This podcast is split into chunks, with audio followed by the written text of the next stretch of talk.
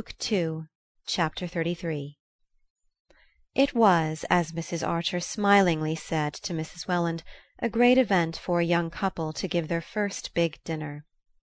The Newland Archers, since they had set up their household, had received a good deal of company in an informal way.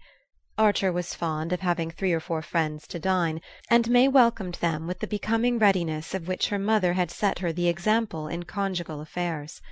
Her husband questioned whether, if left to herself, she would ever have asked any one to the house; but he had long given up trying to disengage her real self from the shape into which tradition and training had moulded her. It was expected that well off young couples in New York should do a good deal of informal entertaining, and a Welland married to an Archer was doubly pledged to the tradition. But a big dinner, with a hired chef and two borrowed footmen, with Roman punch, roses from Henderson's and menus on gilt edged cards, was a different affair, and not to be lightly undertaken. As Mrs. Archer remarked, the Roman punch made all the difference not in itself, but by its manifold implications since it signified either canvas backs or terrapin, two soups, a hot and a cold sweet full décolletage with short sleeves, and guests of a proportionate importance. It was always an interesting occasion when a young pair launched their first invitations in the third person, and their summons was seldom refused even by the seasoned and sought after. Still it was admittedly a triumph that the van der Luydens, at May's request, should have stayed over in order to be present at her farewell dinner for the Countess Olenska. The two mothers in law sat in May's drawing room on the afternoon of the great day, Mrs. Archer writing out the menus on Tiffany's thickest gilt edged Bristol, while Mrs. Welland superintended the placing of the palms and standard lamps. Archer, arriving late from his office, found them still there. Mrs. Archer had turned her attention to the name cards for the table, and Mrs. Welland was considering the effect of bringing forward the large gilt sofa, so that another corner might be created between the piano and the window. May, they told him, was in the dining room, inspecting the mound of Jacqueminot roses and maidenhair in the centre of the long table, and the placing of the Maillard bonbons in open work silver baskets between the candelabra. On the piano stood a large basket of orchids which Mr. van der Luyden had had sent from Skuytercliff. Everything was, in short, as it should be on the approach of so considerable an event. Mrs. Archer ran thoughtfully over the list, checking off each name with her sharp gold pen. Henry van der Luyden, Louisa, the Lovell Mingotts, the Reggie Chiverses, Lawrence Lefferts and Gertrude yes, I suppose May was right to have them the Selfridge Merrys, Sillerton Jackson, Van Newland and his wife how time passes! It seems only yesterday that he was your best man, Newland and Countess Olenska. Yes, I think that's all." Mrs. Welland surveyed her son in law affectionately. "No one can say, Newland, that you and May are not giving Ellen a handsome send off." "Ah well," said Mrs. Archer, "I understand May's wanting her cousin to tell people abroad that we're not quite barbarians." "I'm sure Ellen will appreciate it. She was to arrive this morning, I believe. It will make a most charming last impression. The evening before sailing is usually so dreary," Mrs. Welland cheerfully continued. Archer turned toward the door, and his mother in law called to him: "Do go in and have a peep at the table. And don't let May tire herself too much."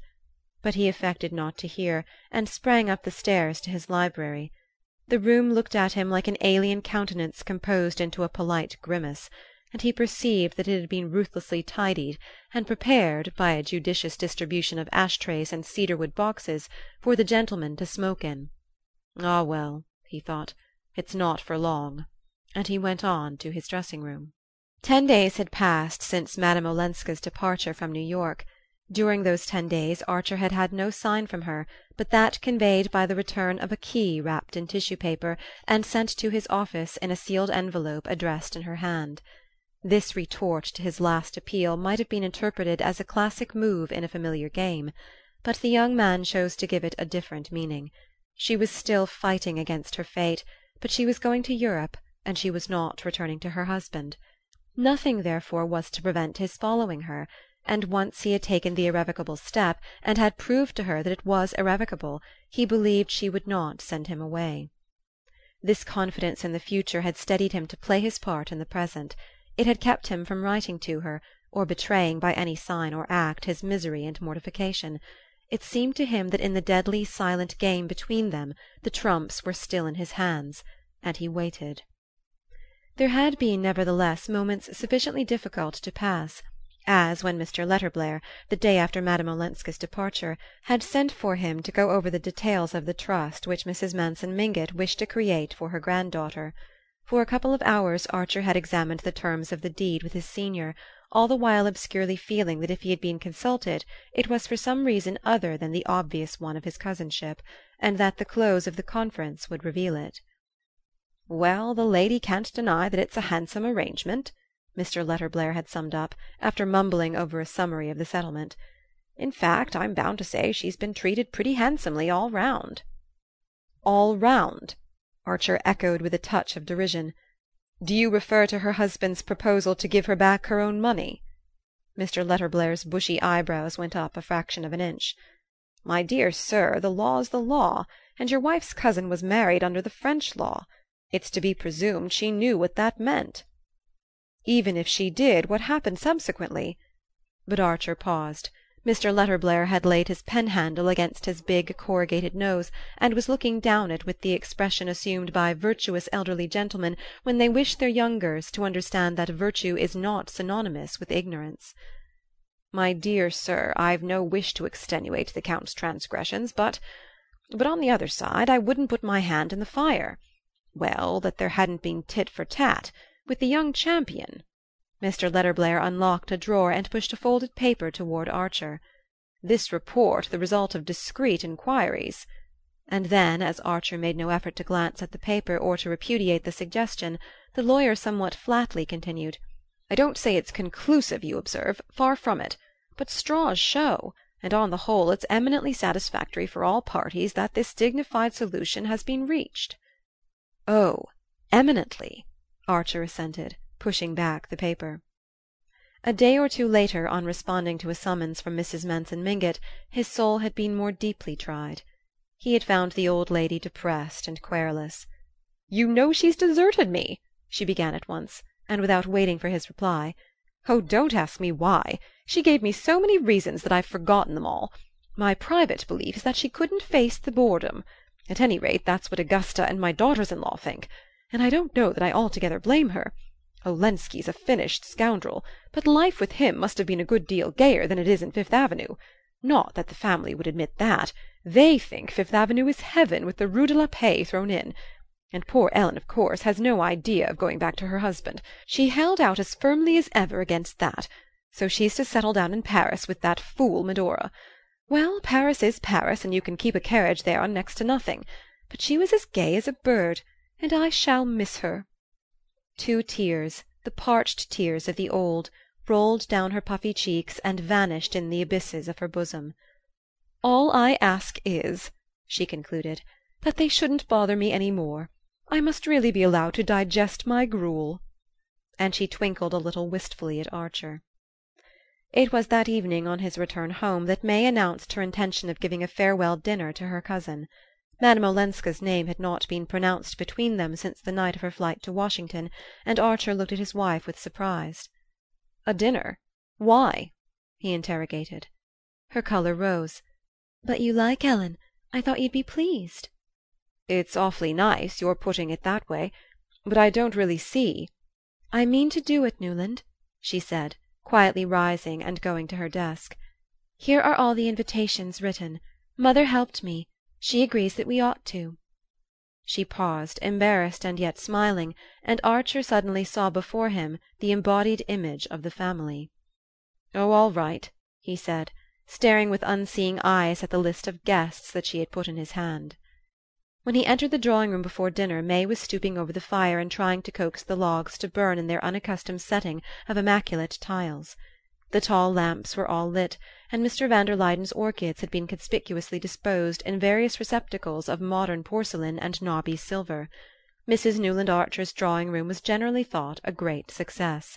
A gilt bamboo jardiniere, in which the primulas and cinerarias were punctually renewed, blocked the access to the bay window, where the old fashioned would have preferred a bronze reduction of the Venus of Milo The sofas and armchairs of pale brocade were cleverly grouped about little plush tables densely covered with silver toys, porcelain animals and efflorescent photograph frames, and tall rosy shaded lamps shot up like tropical flowers among the palms.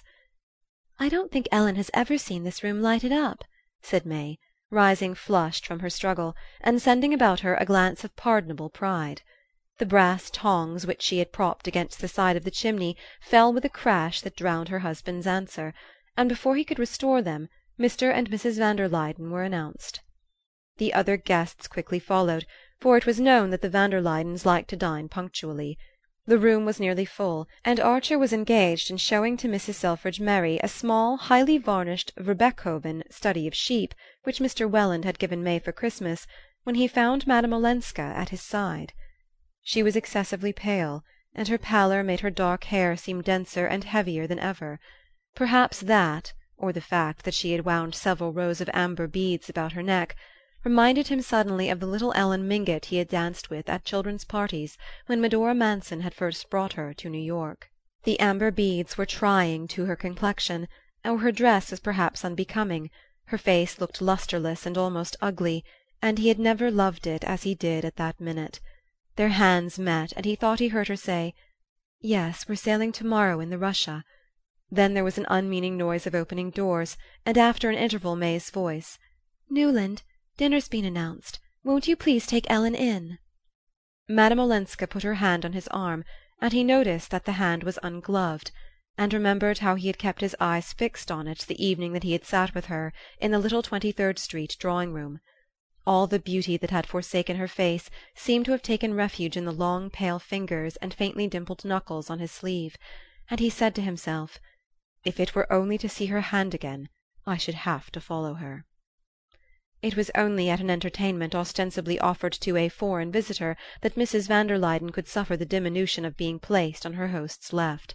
The fact of Madame Olenska's foreignness could hardly have been more adroitly emphasized than by this farewell tribute and Mrs. van der Luyden accepted her displacement with an affability which left no doubt as to her approval. There were certain things that had to be done, and if done at all, done handsomely and thoroughly; and one of these, in the old New York code, was the tribal rally around a kinswoman about to be eliminated from the tribe.